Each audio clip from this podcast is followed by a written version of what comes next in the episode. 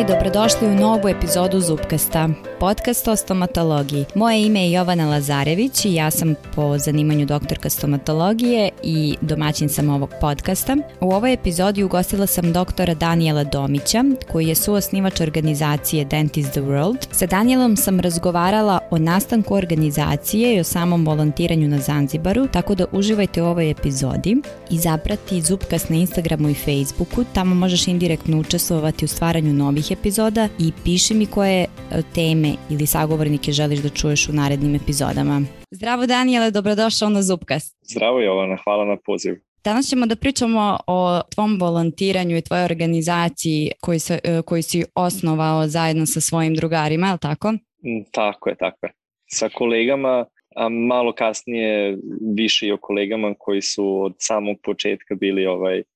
sa mnom, neki nažalost više nisu tu, nisu u, uh, u organizaciji, ali smo i dalje prijateljskom, u prijateljskom odnosu. Ti si trenutno u Beču na doktorskim studijama. Tako je, um, ja sam zapravo uh, počeo moje studije u Beogradu, nakon završene zubotehničke škole na Zvezdari. Počeo sam studije stomatologije u Beogradu i studirao uspešno do svoje četvrte godine. Kao što kolege znaju, stomatologija traje šest, tako da sam ja posle četvrte godine igrom slučaja završio u Beču. U principu sam zapravo se radilo samo o o kursu jezika koji sam tada planirao da pohađam u toku uh, letnjeg raspusta, međutim, igrom slučaja ostao sam u Beču i napravio sam godinu dana pauze između um, studijama, upisao se kao vanredan uh, student stomatologije na Bečkom univerzitetu, u to vreme sam takođe i zamrzao svoju godinu u Beogradu na fakultetu, jer nisam znao kako će se stvari dalje u Beču odvijati, hoću li uopšte nastaviti um, studije, da li ću uopšte dobiti mesto. Tada je jedan od uslova bio da prvo naučim nemački jezik, koji tada nisam govorio. Dakle, godinu dana sam bio vanredni student na Medicinskom univerzitetu u Beču, pohađao kurs nemačkog jezika i tek nakon tih godinu dana sam um, dobio priliku da prevedem sve ispite koje sam položio u Beogradu, nakon čega je komisija medicinskog univerziteta odlučila da se program Beogradskog i Bečkog univerziteta poklapaju, te sam dobio priliku da nastavim svoje osnovne studije stomatologije na Bečkom univerzitetu i to je bila i najveća sreća od svega, dobio sam priliku da nastavim studije tačno od onog semestra gde sam stao u Beogradu, dakle ako sam ja u Beogradu završio četiri godine, to je osam semestara, u Beču sam nastavio studije od devetog semestra i upravo te redovne studije stomatologije sam završio um, na Bečkom, na stomatološkoj klinici Bečkog univerziteta. Nakon toga sam um, radio godinu, godinu i po dana u privatnom sektoru u dve različite ordinacije u pola radnog vremena. Radio sam u jednoj ordinaciji koja je bila specializovana za lečenje dece i um, osoba sa invaliditetom, pogotovo pod totalnom anestezijom i sevofluranom znači gasom i uporedo sam radio u jednoj e, privatnoj ordinaciji u neposrednom centru Beča gde mi je um, zapravo gde sam, gde sam od kolege, starije kolege ordinacije učio polako hirurgiju i ulazio polako u svet oralne hirurgije koju sam sada već i usavršio. Dakle, nakon tih godinu dana privatnim ordinacijama ukazala mi se prilika da radim i na um, univerzitetskoj klinici Medicinskog univerziteta u Beču i to kao asistent na oralnoj hirurgiji. Dakle, ja sam sada već skoro tri godine stalnom zaposlenom odnosu sa Medicinskim univerzitetom i radim kao oralni hirurg na, na odeljenju oralne hirurgije. I da, upravo pre godinu danas mi se ukazala prilika, dakle, mi u sklopu uh, našeg uh, naših e, svakodnevnih oralno-hiruških aktivnosti imamo planirano i e, minimum trećinu vremena moramo da provedemo radeći kao nauku, baveći se naukom. To vreme zapravo koje ja provodim e, baveći se naukom sada provodim baveći se svojom doktorskom tezom, pošto sam odlučio da pre nekih godinu dana da zapravo upišem i doktorske studije na medicinskom univerzitetu, tako da uporedo sa poslom pohađam i doktorske studije Da, to je ukratko, to je ukratko o meni što se tiče mog profesionalnog um, života i mog, um, mog puta iz Pančeva za Beograd, iz Beograda za Beč i eto, tu sam i dan danas. Kako se u, u sve to uklapa volontiranje? U kom dijelu tvog studiranja i uh, se rodila želja za volontiranjem i za putovanje? Hvala na pitanju, ovo je zaista odlično pitanje i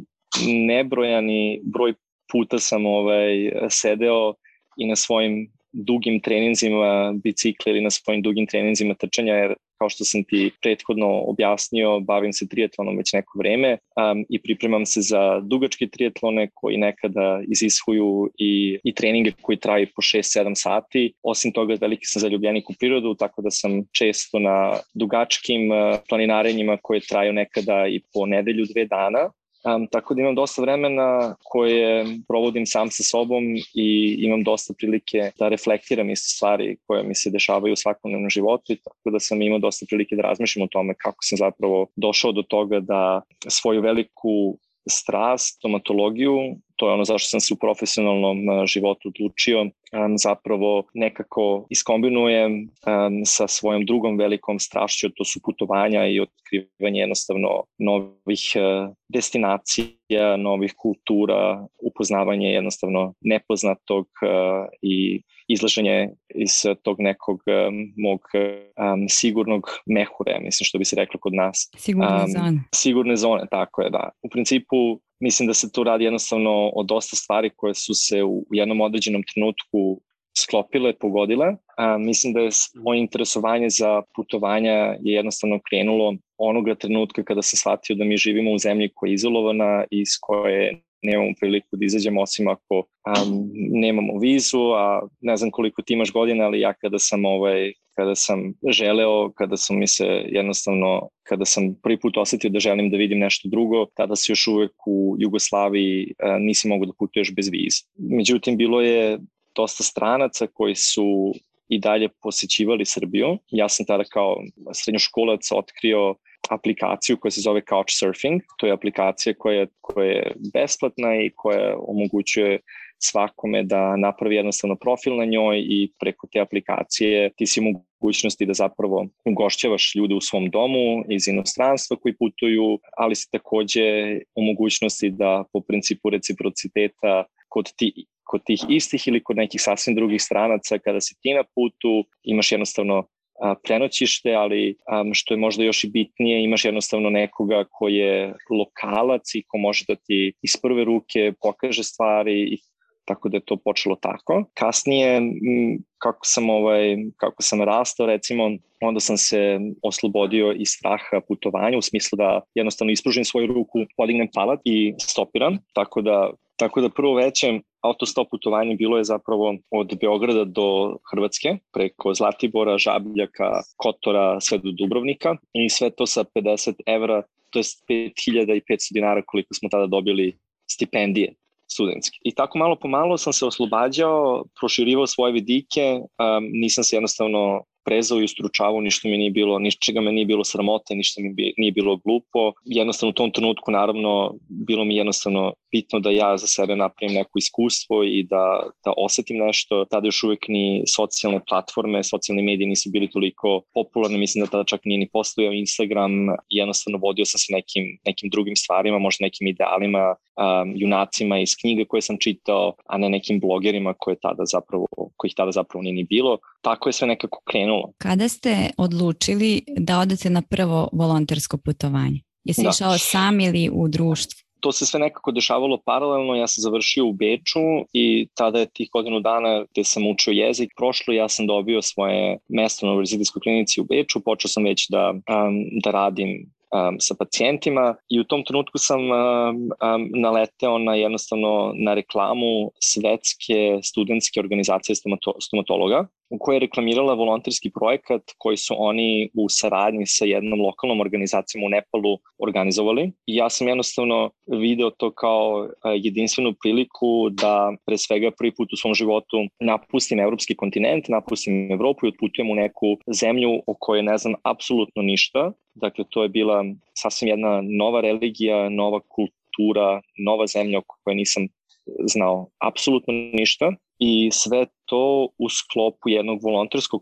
projekta koji ima veze sa stomatologijom, dakle za mene je to delovalo jednostavno kao savršen kompromis i spajanje upravo te dve moje velike ljubavi, velike strasti, a to su stomatologija, upoznavanje novih kultura i novih religija, tako da sam se za taj projekat prijavio, znači to je bilo 2015. godina, decembar, projekat je bio 2016. u februaru, martu, um, međutim um, organizatori su tražili za taj projekat oko 1000 evra. E sad, um, to je isto jedna tema o kojoj možemo kasnije da razgovaramo, pošto kada se priča o volontiranju, nekako ljudi očekuju da je sve besplatno i da jednostavno ti se pojaviš tamo i imaš onda sve plaćeno. Međutim, to već odavno nije tako, bar ne u stomatologiji, ali o tome možemo i kasnije da razgovaramo malo detaljnije. Um, dakle, ja sam se prijavio za projekat u Nepalu i objasnio sam organizatorima da je jednostavno nemam taj novac, da ja čak i da bih finansirao svoj uh, život u Beču i svoje studije moram da radim vikendom, te da sam na minimumu, to jest na limitu u smislu svojih financija i svog, uh, i svog života uopšte, finansiranja svog, svojih potreba svakodnevnih. I oni su mi objasnili da, da, da jednostavno oni ne mogu da mi izađu nikako susret i da je to cena koja jeste ista za sve i oni razumeju da bih ja želeo da dođem, ali da i da mogu jednostavno da sačekaju par nedelja da vide da li ću da skupim novac, ako ne, onda im je žao i ima i drugih koji će platiti za taj projekat. U tom trenutku ja sam jednostavno počeo pišem e, stomatolozima u Beču, privatnim ordinacijama i stomatološkim firmama sa sedištem u Beču, pokušavao jednostavno svima da im objasnim da bih ja jako volao da odem na taj projekat, međutim jednostavno sam limitiran u smislu financija, ukoliko oni imaju interesa bilo kakvih da mi jednostavno finansiraju taj put, ima bi se to vratilo kroz eventualnu reklamu koju bih ja napravio za njih sa takve jedne destinacije gledao sam to kao jednu vrstu marketinga za njih, ponudio sam im da jednostavno napišem neku poruku iz Nepala za njih ili napravim par fotografija koje bi oni kasnije mogli da koriste za reklamiranje svoje ordinacije na njihovim socijalnim medijima ili, ili ne znam već čemu. Um, međutim, delovalo je zaista, zaista loše Um, čak sam pitao i našu univerzitetsku kliniku na kojoj sam tada bio student da mi možda sufinansiraju i pomognu, um, međutim oni su to odbili, jedino što su mogli da mi ponude su bile paste za zube koje su oni nagomilali na klinici koje, sa kojima nisu imali šta da rade, ponudili su mi da ih ponesem jednostavno, pošto svakako nisu znali šta će da rade sa njima, a na kraju sam i to odbio jer mi je to delovalo kao neka milostinja koju nisam želeo da uzmem. Stupio sam u kontakt sa lokalnim novinama koje su specializovane za stomatologiju, dakle to je nešto kao Dental Tribune u Srbiji, pošto je to jedina stomatološka novina koju znam u Srbiji, međutim nije Dental Tribune, znači neka druga novina zove se stomatolog. Dakle, pitao sam ih da li bi mi možda finansirali put ili pomogli u tome. Oni su mi rekli da oni to inače ne rade, to nije praksa. Međutim, um, mogu da mi pomognu u smislu da napišem neki članak za njih i ukoliko bi im se taj članak bude svideo, onda bi mi ponudili da napišem reportažu iz Nepala i za to bi mi naravno uredno platili. Recimo za takav jedan članak koji bih ja napisao, pregovarali smo već o broju strana koje bih napisao za, za, za, taj, za te novine, um, dobio bih između 300 i 500 evra, što je u tom trenutku isto bilo isto bio veliki novac. Međutim, taj novac bih dobio tek nakon puta, a meni je novac trebao odmah, istog trenutka. U tom trenutku sam, um, istovremeno sam pohađao jednu, jedan study club Znači, to je kao u sklopu jedne privatne implantološke akademije u Beču, koja je inače renomirana u Evropi i u svetu, jako poznata. Um, nudili su studentima stomatologije iz Beča, taj kao stari klub, gde smo se, gde bismo se mi jednomesečno nalazili tamo i neko od njihovih lekara nam je um, držao predavanje ili bismo mi sami pravili neke prezentacije o um, aktualnim temama o, o implantologiji, oralnoj hirurgiji i baš tih dana kada sam i tražio financije, um, desilo se da smo imali jedan od tih stadi klubova u toj akademiji. Upravo jedan kolega koji je znao celu priču, to je znao je da ja tražim financije za put, je na Study Club onako sasvim um, spontano pokrenuo priču o tome. To veče baš na Study Clubu su bili prisutni profesori koji su vlasnici, suvlasnici te akademije implantološke, gde mi je jedan od njih prišao i rekao kao čuo sam da, da, da želiš da ideš na put, o čemu se radi. I ja sam mu bukvalno u par rečenica sam ukratko objasnio, ali bez krajnje namere da ja sada od, od njega tražim novac i od njih tražim novac za to putovanje, objasnio sam mu samo o čemu se radi i on je rekao o redu, to mi delo je jako, jako interesantno, mi ćemo ti dati novac. Ja sam rekao, ok, stvarno. Um, rekao je, da, evo, molim te, idi do sekretarice i samo je ostavi tvoj uh, broj računa i koliko ti treba, koliko si rekao, ja rekao, pa ono, sa, za kartu avionsku mi treba nekih 1000 evra, i on je rekao daćemo ti 2000 da imaš i, da imaš i, da imaš i džepara. I ja sam rekao, ok, dobro. I zaista u roku od uh, tri dana novac je bio na mom računu i tako sam zahvaljujući oralnoj um, implantološkoj akademiji iz Beča uspeo da isfinansiram svoj prvi projekat u Nepal. Kasnije kada sam se vratio, stvarno sam uspeo da objavim i svoju prvu reportažu u novinama Stomatolog ili na nemačkom Zahnarzt, tako da sam i za to kasnije dobio neki novac uh, i to je a, priča kako sam ja a, uspeo da, da stignem prvi put na jedno putovanje volontersko. Ne. Fenomenalno. Uvijek se nekako nađe neko ko može da pomogne za neke stvari kada nešto dovoljno želiš, zar ne? Da, zaista se slažem sa tobom i mislim da u tom smislu nema granice, dakle granice su samo one koje mi sami sebi postavimo u našim glavama i ja bih toplo preporučio tvojim slušateljima i slušateljicama da jednostavno nikada ne odustaju od svojih snovi, od svojih ideja, jer se uvek pronađe način i ako nešto zaista želiš, e, mislim da zaista ništa ne može da nam, da nam stoji na putu, jer prije ili kasnije to ćemo i ostvariti, samo treba dovoljno jako da, da želimo nešto. Da li je to bio jedini put kada si ti uh, pošao na da volontiranje, da to nije bilo u sklopu tvoje organizacije Dentist the World? Da li je odmah posle toga nastala organizacija? Da, zapravo to je bio projekat koji je kao kapisla, kao um, okidač uh, pokrenuo lavinu dešavanja koje su, se, koje su usledile. Dakle, u Nepalu sam uh, prvi put uopšte i volontirao u stomatologiji, prvi put sam bio van Evrope, prvi put sam bio u Aziji, prvi put sam se susreo sa budizmom i hinduizmom, prvi put sam se susreo sa, sa procesom opraštanja bližnjih uh, u smislu u budističkoj i hinduističkoj religiji se ljudi ne sahranjuju, već se kremiraju, tako da sam imao priliku i da vidim, čujem um, i osetim sve to. Da, zapravo Nepal je bio prva, ne jedina, um, jedina prilika gde sam volontirao ne sa svojom organizacijom, zato što je prvi put kada sam posle toga otišao u Afriku, nekoliko meseci kasnije otišao sam kao privatna osoba, jer tada još uvek organizacija nije postojala. Dakle, Nepal je bio prvi projekat na kome sam učestvovao preko tuđe organizacije. Kasnije, nekoliko meseci kasnije sam um, volontirao u Africi, ali kao privatna osoba um, Daniel Domić i tada se zapravo i rodila ideja da ja osnovim sobstvenu organizaciju i sve ostale projekte na kojima sam učestvovao um, su zapravo projekti koje sam ja organizovao i vodio um, sa svojom organizacijom Dentist the World.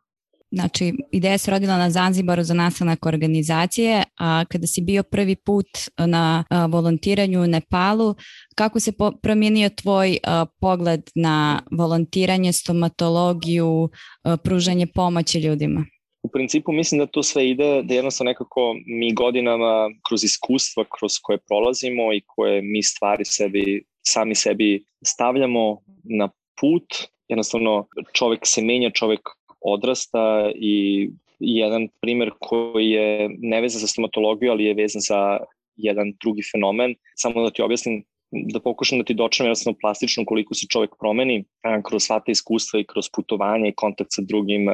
kulturama, jeste da kada sam bio u Nepalu 2016. godine, tada mi je bilo sasvim normalno da da naša grupa volontera, kojih je bilo 25, to jednostavno idemo na izlet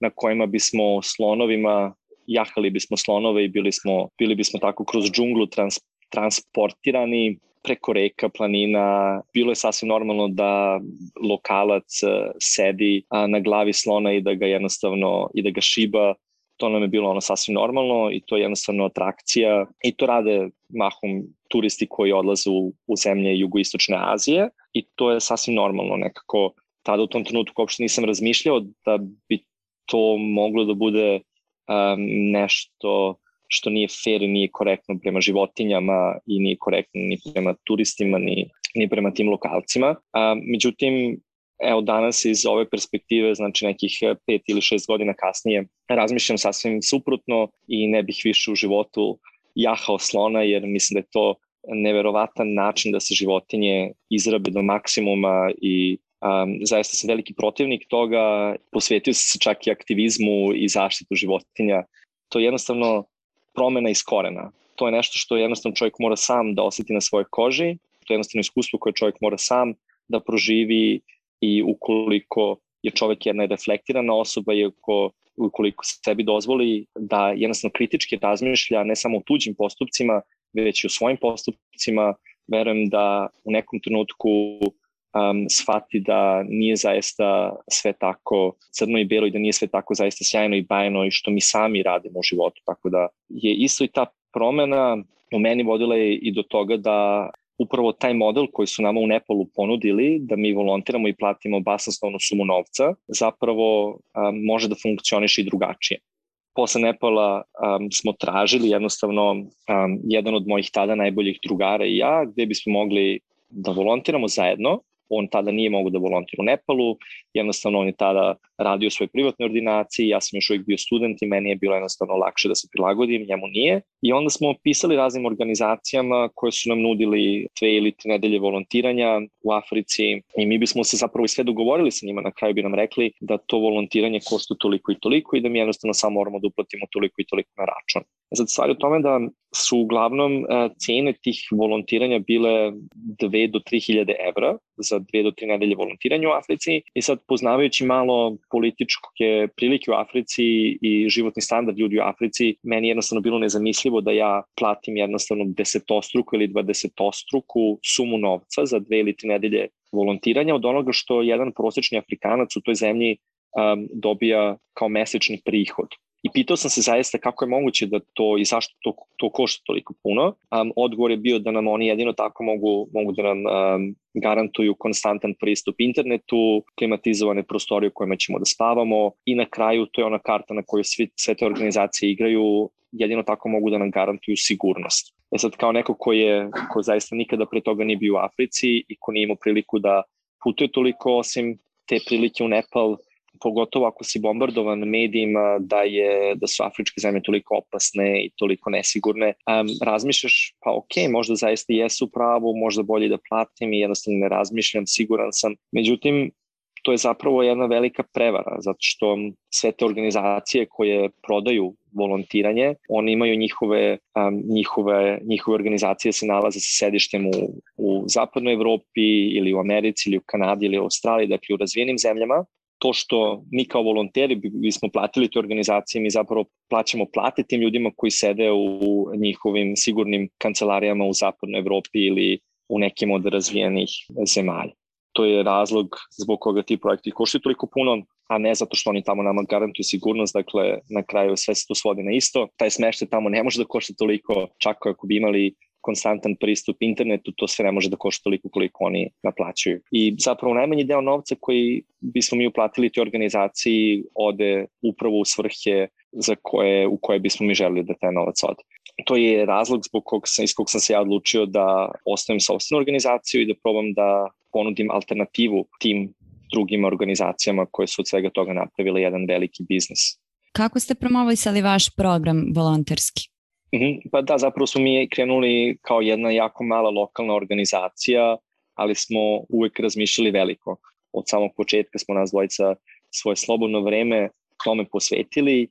i malo po malo, dakle, napravili smo i našu oficijalnu web stranicu, napravili smo i Facebook stranicu i kontaktirali smo jednostavno sve ljude koje smo znali u svetu somatologije, ja već kolege koje sam upoznao u Nepalu, i kolege iz Beograda sa fakulteta, Bruno svoje kolege iz Austrije koje je tada poznavao i tako se za prvo volontiranje koje smo oficijalno organizovali u Zanzibaru prijavilo dvostruko ili trostruko više ljudi nego što smo mogli da ponudimo, što smo imali kapaciteta da povedemo u Afriku. Koliko ljudi vodite sa sobom svake godine? Koji je limit? Da, pa prvi put smo poveli, ja mislim, 22, međutim shvatili smo da što je grupa manja, to je a, koherentnija i to je bolja atmosfera u grupi, tako da smo odlučili da ne vodimo više od 14 do 16 ljudi, što inače i radimo u parovima, znači napravili bismo 7 ili maksimalno 8 grupa od po dvoje koje bi onda paralelno mogli da rade na pacijentima. A šta je potrebno organizaciji da bi omogućila volontiranje? Pa verujem da, to, da to zavisi naravno od zemlje u kojoj je organizacija osnovana, po čijim pravilima jednostavno funkcioniše, pošto naša organizacija je osnovana sa sedištem u Beču, znači bilo je neophodno da ispunimo uslove volonterske organizacije propisane austrijskim zakonom o volonterskim organizacijama, to je nevladnim organizacijama. Dakle, to je jednostavno, te informacije su lako dostupne svim građanima i mogu da se, što bi se reklo, downloaduju um,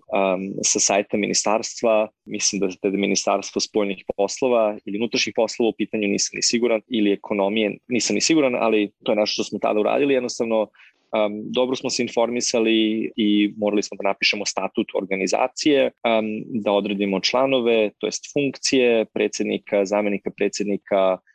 sekretara i jednog koji je zadužen za financije. To je znači bilo, mislim, minimum tri ili četiri osobe u tom trenutku, s tim što jedna osoba mogla da obavlja više funkcija, tako da smo mi u sve to uključili i uh, jednog od mojih najboljih prijatelja i kolega iz stomatološkog fakulteta iz Beograda, to je Ljubomira Mićića, koji je tada pristao da bude, da bude generalni sekretar um, organizacije i tako smo nas trojica entuzijasta, Bruno Valić, Ljubomir Mićić i ja zapravo osnovali nas trojica organizaciju sa sedištem u Beču. Da li sarađujete sa nekim drugim volonterskim organizacijama? Da, u sklopu svih projekata koje smo organizovali, organizovali uspostavile su se, uspostavile su se i saradnje sa drugim organizacijama, dakle, što se nač, našeg projekta na Zanzibaru tiče, um, mi njega tamo provodimo um,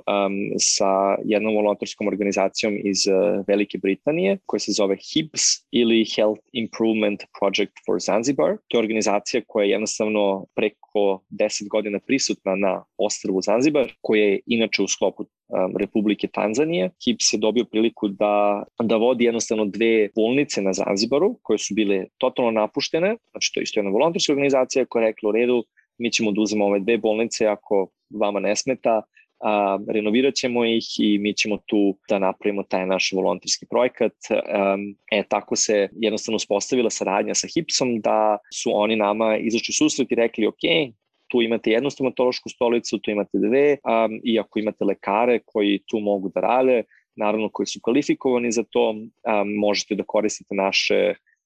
naše stolice, jer njima jednostavno odgovara i njima ide u prilog isto da stomatolozi dolaze i da rade na tim njihovim stomatološkim stolicama koje inače bi bile prazne na kojima inače niko ne bi radio. Tako da to je jedna od organizacija sa kojima sarađujemo. Osim toga,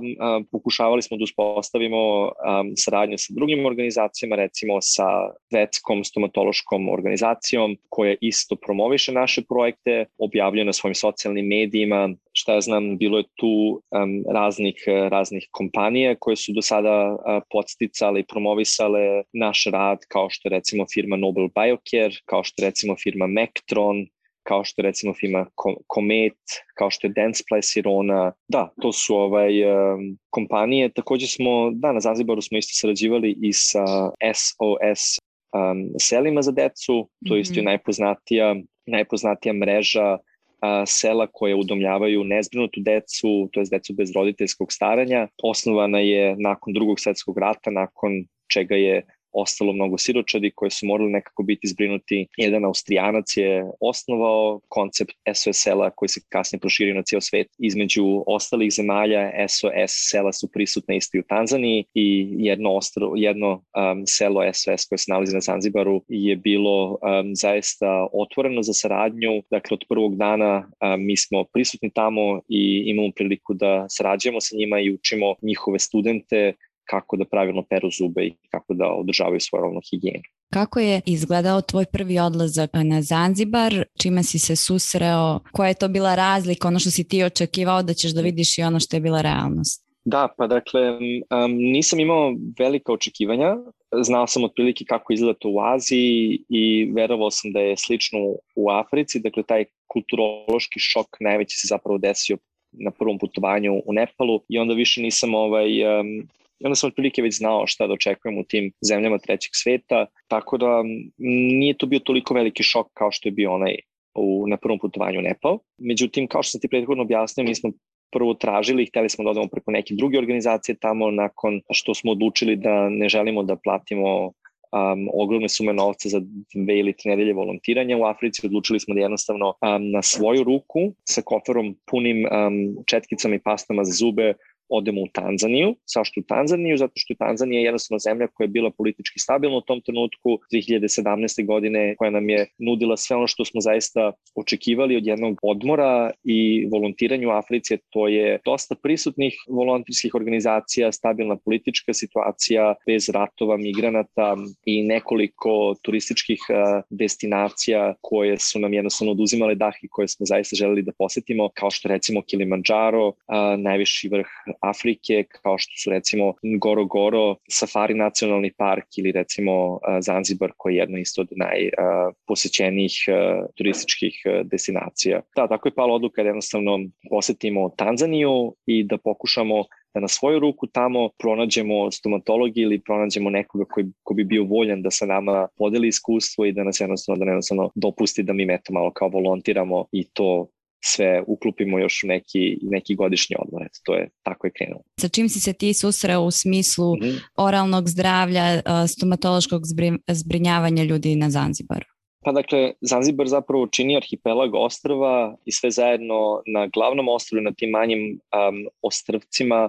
koje pripadaju Zanzibaru, mislim da živi ukupno oko milijuna i 200 hiljada stanovnika. Međutim, stomatolozi se nalaze samo na glavnom ostrvu Ungući i na tom glavnom ostrvu postoji ukupno tri stomatologa, od toga dva su, dva su jednostavno volonteri. Tako je. Jedan je umeđu vremenu počeo da radi u Ministarstvu zdravlja, znači on se ne bavi stomatologijom, a ostalo su stomatološki terapeuti. Dakle, to nisu studenti stomatologije, već um, studenti koji su završili um, trogodišnji kurs vađenja zuba Dakle, oni su specializovani na, na to, oni mogu, oni perfektno to rade, rade čak i bolje od nas, zato što im jednostavno rade to u mnogo lošim uslovima i da bi to, da bi bili efikasni moraju da budu zaista, zaista dobri. Međutim, oni um, ne znaju um, ništa drugo osim toga. Dakle, velika je zabluda da Afrikanci imaju, zbog svoje tamne puti, da imaju savršene bele zube, međutim, to je samo kontrast i optička varka koja je možda i bila aktualna do nekih 80-90 godina, međutim, kako, se, kako su se navike u ishrani promenile u Evropi, a tako i u Africi, kako su a, kompanije kao što su recimo Nesla i Coca-Cola stigle a, na tlo Afrike, tako su počele da se prodaju i slatki a, napici sa visokim sadržajem ugljenih hidrata, to jest sa visokim sadržajem šećera, mm -hmm. a, koje su u Africi recimo u nekim zemljama jeftiniji od vode za piće. Iz prostog razloga što vodu za piće tamo flaširano ne kupuju lokalci, ne kupuju Amerikanci, nego kupuju um, turisti iz Evrope, tako da njima oni ne treba. Um, upravo ti soft drinks, što bi se reklo na engleskom, uh, um, zasađeni na pici, na našem jeziku, um, su jeftini zato što su onda u smislu pristupačniji Afrikancima i za neke od Afrikanaca nažalost takav jedan zasađeni napitak nije samo napitak već i obrok zato što je dosta bogat kalorijama i šećerima. Iz tog razloga i naravno kada bismo to stavili u koncept nepristupačnosti um, instrumenta za održavanje oralne higijene, jednostavno razvijene svesti o tome, dakle, konzumacija tih slatkih napitaka dovelo do toga da oni zapravo imaju podjednako ili a, verovatno i lošiju oralnu higijenu, to jest stanje um, zuba nego naravno mi u Evropi, ili još lošije od onoga što se očekivalo za afrički kontinent. I um, da, postoji različiti primeri, um, stare generacije koje jednostavno nisu izložene toliko tim toj industrializaciji i a, konzumaciji a, napitaka koje su još uvek hrane izvorno, koji zaista imaju zdrave zube, koji nemaju toliko kariogenih mikroorganizama, zapravo nemaju, ne stvaraju podlogu za kariogene mikroorganizme, još uvek imaju zaista odlične zube, dok mlađe generacije zaista izgledaju sve loše i loše i nažalost u Africi i dan danas ljudi umiru od neizlečenih zuba, to je jednostavno nešto što je možda čak i svakodnevica u nekim afričkim zemljama. Na koji način oni održavaju oralnu higijenu? Pa to zavisi takođe od prvo Afrika je cijela, mislim, velika koliko i mislim da u cijelu Afriku može da stane nekoliko Evropa, nekoliko Evropskih unija, tako da je to isto jedno generalizovano pitanje i ne može da se primeni na cijelu afričku populaciju. Ja mogu da. govorim o zemljama koje sam ja do sada posetio, koje su mahom bile urbanizovane, međutim postoje um, još uvek plemena skupljača u Africi, u Africi koje zube peru, recimo pepelom ili koje uh, koriste grančice ili koriste određene cvetove i biljke um, za održavanje oralne higijene, međutim u urbanizovanim delovama Afrike, u, u većim afričkim gradovima, naravno da je do njih stigla takođe i četkica i pasta za um, što je na Zanzibaru isto, recimo, pa mogu da kažem da jednostavno 50% stanovništva, bar onoga dela kojeg smo mi upoznali, naravno zna što je četkici pasa zube i koristi, bar kaže da koristi, postoji još uvek i um, određen broj ljudi koji, uh, koji koristi određene grančice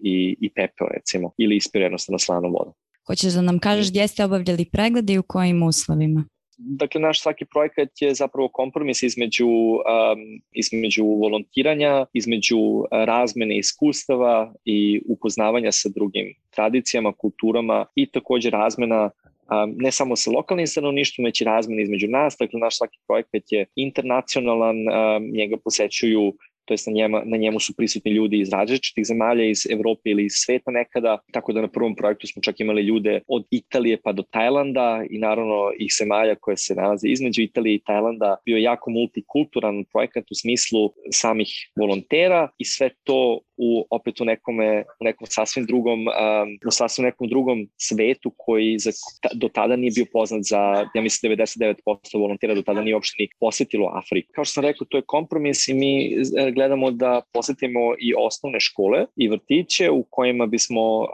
recimo proveli nekoliko dana i učili decu da peru zube, jer um, upravo je i naša ideja o svemu tome da dugoročno njima damo instrumente um, za pranje zuba i naučimo ih kako da peru zube, to je prevencija je naš dugoročni cilj. Um, zbog toga mi veliki, veliku energiju ulažemo u to i najveći, najveći deo financija naše organizacije koje, koje zapravo dođu od,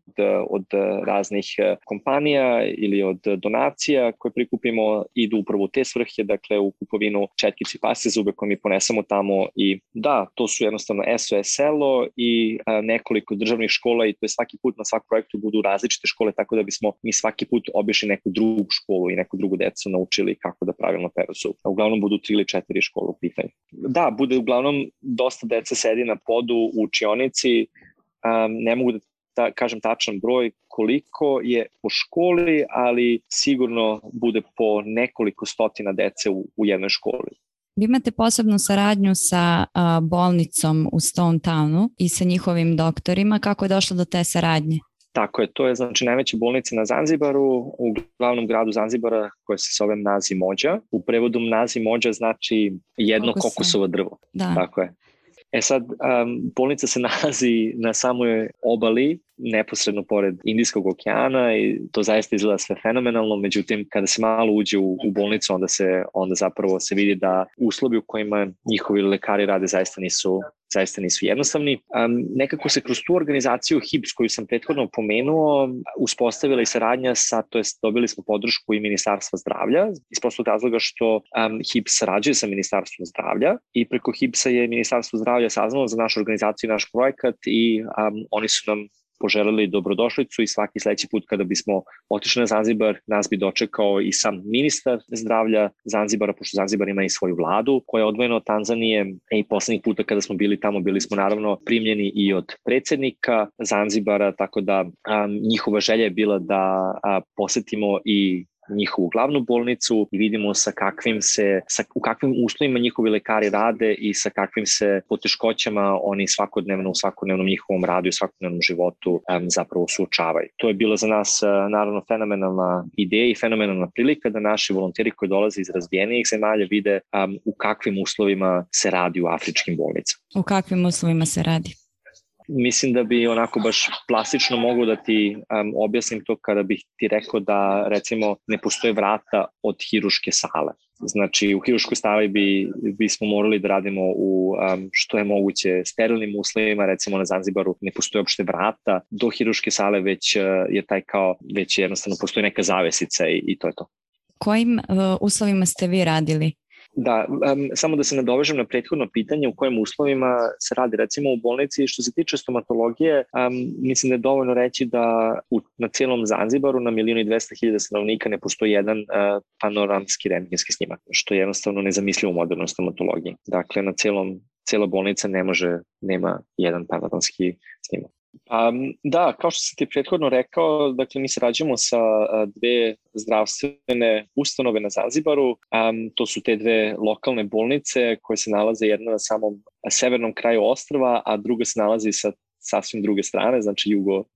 istočno i mi se zapravo kad radimo u tim bolnicama podelimo u dva tima, dakle jedan tim radi ceo dan u jednoj bolnici, drugi tim u drugoj i u tim bolnicama imamo ne tako loše uslove u smislu da imamo bar stomatološke stolice na kojima pacijenti mogu da sede, ukoliko nemamo dovoljan broj stomatoloških stolica, onda jednostavno uzimamo bilo kakve stolice koje imamo, stavljamo ih do zida tako da bismo glavu pacijenta mogli da naslonimo na zid prilikom vađenja zuba recimo i naravno pored u blizini prozora kako bismo imali i um, dovoljno svetlosti za izvođenje svojih intervencija što je i struje uglavnom problem. E sad, naši projekti uglavnom budu najavljeni preko radija ili preko novinskih ili preko novina na, na ostrvu, tako da pacijenti uglavnom znaju da dolazi grupa volontera iz Evrope koja će u tom i tom periodu obavljati preglede i raditi intervencije vađenja zuba, čišćenja kamenca, endodonskih ili recimo zahvata kao što je, kao što recimo plombe, dakle konzervativne, konzervativne stomatologije i oni u principu ti dani kada smo mi u tim bolnicama budu jako dobro posećeni. Dakle, imamo preko stotinu pacijenata bude u toku dana um, dođe na pregled i na kraju dobije neko od uh, intervencija. Um, Kako raspoređujete da, da. poslove da, među uh, volonterima? Da, to je zapravo, odlično pitanje i um, mi na sve projekte gledamo da povedemo podjednaki broj stomatologa, dakle podjednaki broj onih koji već imaju iskustvo radno u stomatologiji, koji znaju tačno šta rade i studenta, um, i onda pokušamo da napravimo timove koji su um, um, ravnomerni u smislu da na jednog stomatologa koji već ima iskustva dođe jedan student koji može da mu asistira ili koji može recimo prilikom um, nekih manjih uh, stomatoloških intervencija i sam da radi, naravno pod nadzorom stomatologa koji već ima iskustva u svemu tome, tako određujemo ko će sa kim da radi, gledamo da recimo ako ljudi dolaze na projekat u grupi od dvoje ili troje, da te grupe razbijamo pod znacima navoda i da damo ljudima priliku priliku da rade sa nekima, sa nekim koje i sasvim druge sredine, koje ko dolaze iz sasvim neke druge stomatološke škole, recimo kako bi i oni među sobom mogli da razmenjuju iskustva i da razmenjuju naučni pristup i pristup opšte stomatologiji i uče jednostavno jedni od drugih. I um, da, gledamo naravno i da raspoređujemo uh, polovima, dakle u našim projektima bude i, um, i muških i ženskih uh, volontera i gledamo da tu napravimo grupice koje bi onako i međusobno kojima bi i hemija između, između samih volontera trebala da funkcioniše. Na kraju mi zaista budemo kao jedna velika porodica tamo. E sad što se tiče samog grada, u principu napravimo jednu stanicu koja je trijaža i na stanici za trijažu su uglavnom najiskusniji stomatolozi boje koji onda šalju pacijente na, do stanice za vađenje zuba, gde već čekaju kolege koji će vaditi zube koji su napisani jednostavno na papiru, onda um, šalju na stanicu za popravljanje zuba ili šalju na stanicu za uklanjanje čvrstih i mekih nastaga recimo. S obzirom da lokalno stanovništvo nije bilo u prilici da se susretne sa stomatolozima i sa takvim načinom, sa takvim načinom rada, kako su reagovali na, na vas i kako ste vi sa njima komunicirali s obzirom da ne pričate ni isti jezik? Da, um, u Africi, zapravo u Tanzaniji i u istočnoj Africi mahom se priča Kiswahili ili Swahili jezik koji sam ja umeđu vremenu nakon tvojih, pa da, od 2016. kada sam prvi put boravio tamo pa do dana današnjih uspeo i pomalo da savladam. Tako da ja umeđu vremenu, par što se tiče tih uh, osnovnih stvari uh, u smislu stomatološkog pregleda, mogu da se sporozumim na pacijentima i na njihovom lokalnom jeziku. Ako ne, onda pokušam na engleskom, a koliko moj uh, Swahili nije toliko dobar, a njihov engleski takođe nije toliko dobar, onda se uglavnom tu u našoj neposrednoj blizini nalazi neko od lokalnih volontera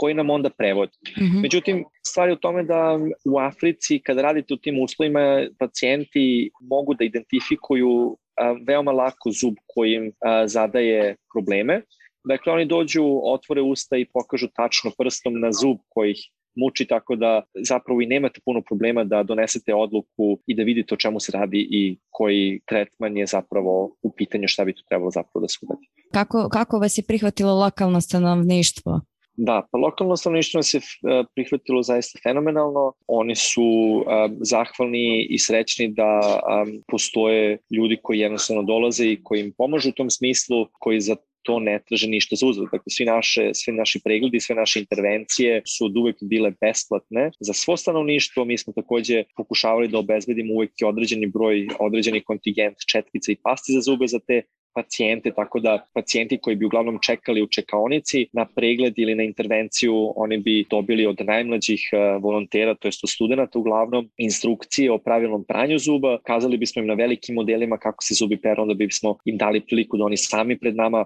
vežbaju to i na kraju bi bili nagrađeni, to jest dobili bi od nas četkicu i pastu za zube. Tako da sam čin davanja tog poklona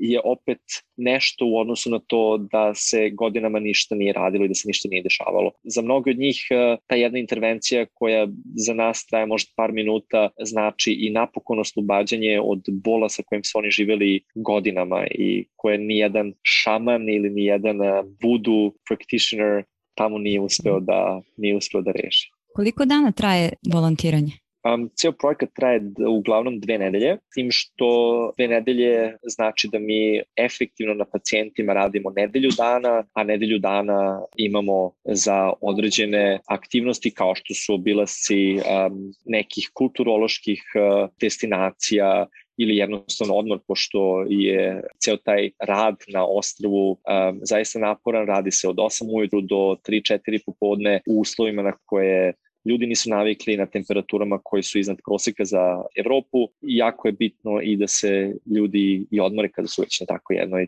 um, destinaciji. Koji je sledeći projekat uh, organizacije Dentist the World? Nažalost, mislim da je pandemija uticala na sve sfere života, pa tako i na naše buduće projekte iz istog razloga, a i iz razloga što je trenutna tanzanijska vlada um, odlučila da negira postojanje virusa, a i svi znamo da će se vakcinisanje stanovništva Africi odvijati zaista sporo i nije zaočekivati da će se u periodu u martu sledeće godine da će veliki broj stanovnika afričkih zemalja biti vakcinisano, te je takav jedan projekat gde bismo mi nudili stomatološke usluge pacijentima koji nisu zaštićeni, kojima bismo mi eventualno mogli da prenesemo virus, zaista, zaista bi bilo bio neozbiljan potez sa naše strane ukoliko bismo to uradili, umesto što bismo pomogli, zapravo bismo samo izložili pacijente još većem riziku, te smo iz tog razloga odlučili da do daljneg naše volonterske projekte jednostavno obustavimo i da pokušamo da se trenutnoj situaciji adaptiramo, te smo, a opet iz razloga da bismo ostali prisutni na Zanzibaru, to je u Tanzaniji, opet smo odlučili da sledećeg marta organizujemo projekat koji će biti više razmena iskustva, nešto u smislu manjeg kongresa, um, za stomatologije i studente stomatologije odavde iz Srbije, regiona i evropskih zemalja i naravno sa lokalnim um, stomatolozima, to je sa lokalnim terap terapeutima, uh, međutim bez rada na pacijentima. Kako se uh, učesnici mogu prijaviti za taj program? Da, trenutno radimo na našoj novoj web stranici, tako da ona još uvijek nije uh,